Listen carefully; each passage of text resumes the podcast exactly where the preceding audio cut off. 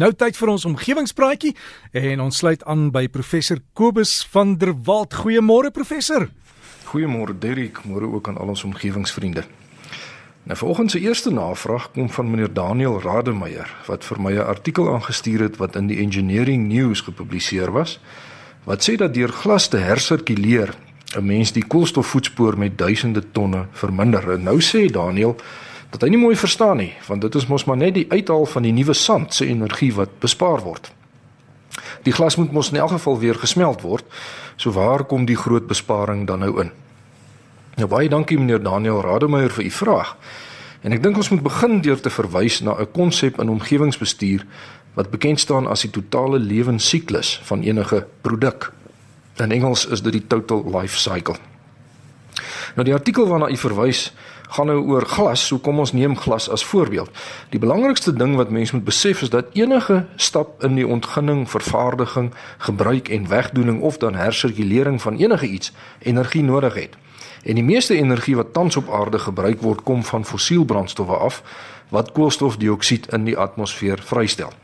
So om die grondstowwe van glas te myn en te vervoer na 'n glasfabriek toe, verg groot hoeveelhede energie En met hersirkulering word die mynproses en daai vervoerproses nou heeltemal uitgeskakel en die vervoerkoste van die gehersirkuleerde glas, die afvalglas na 'n fabriek toe is laer omdat die glas nou reeds suiwer is.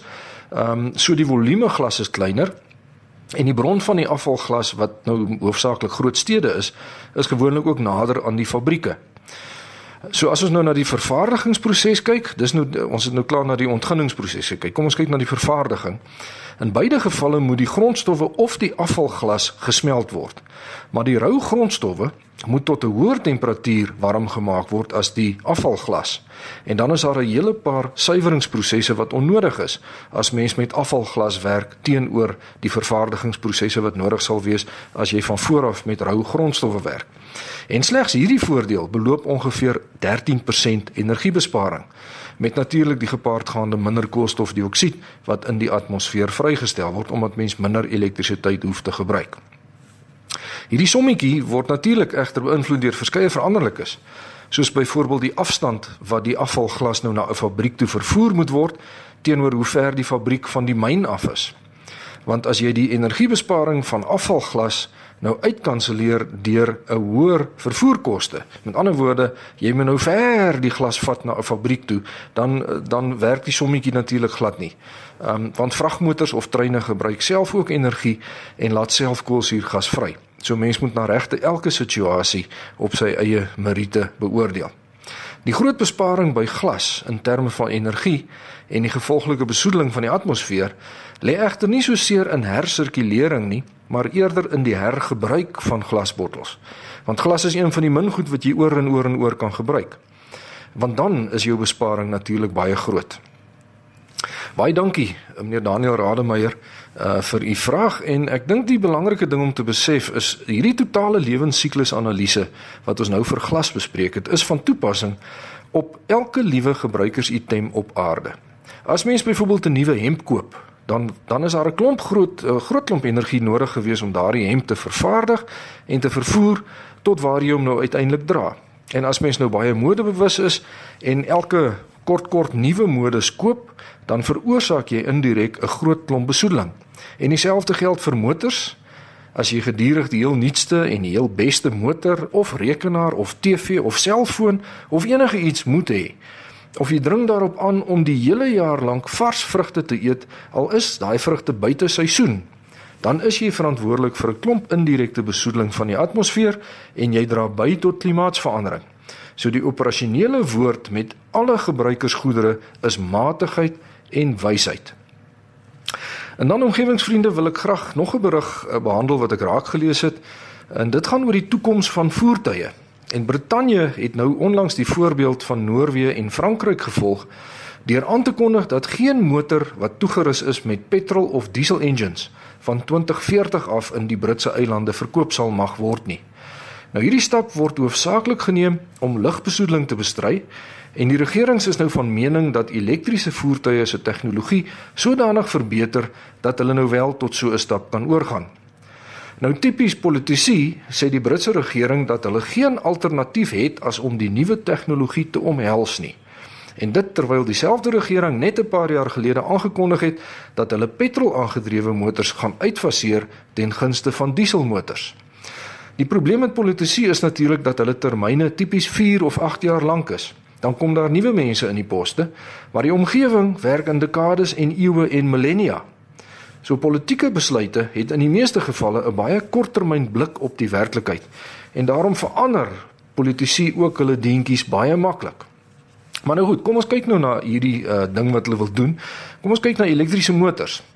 Uh en as mens nou dieselfde totale lewensiklus benadering gebruik as wat ek nou net met glas gebruik het, uh dan moet dan sien ons in die eerste plek dat elektriese motors met batterye toegerus moet word en die goed het slegs 'n beperkte lewensduur, dan moet hulle vervang word.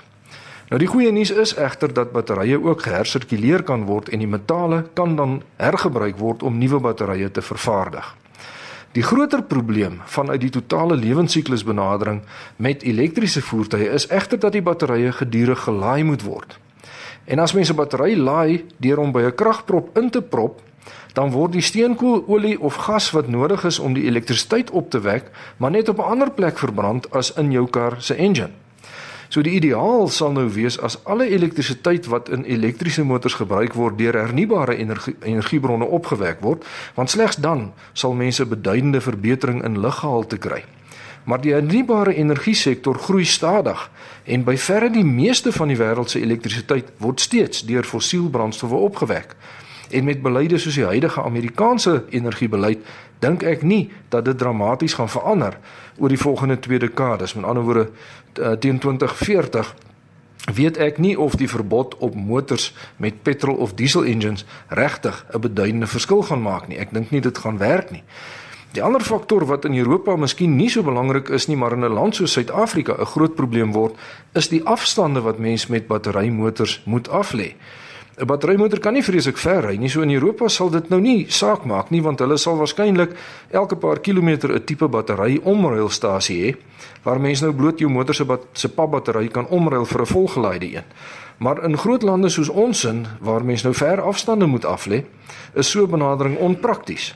So ek wil nog maar sien of hierdie storie werklik toegepas gaan word deur die regerings uh, daar is baie baie opwindende en groen ontwikkelings op die gebied van binnebrand engines.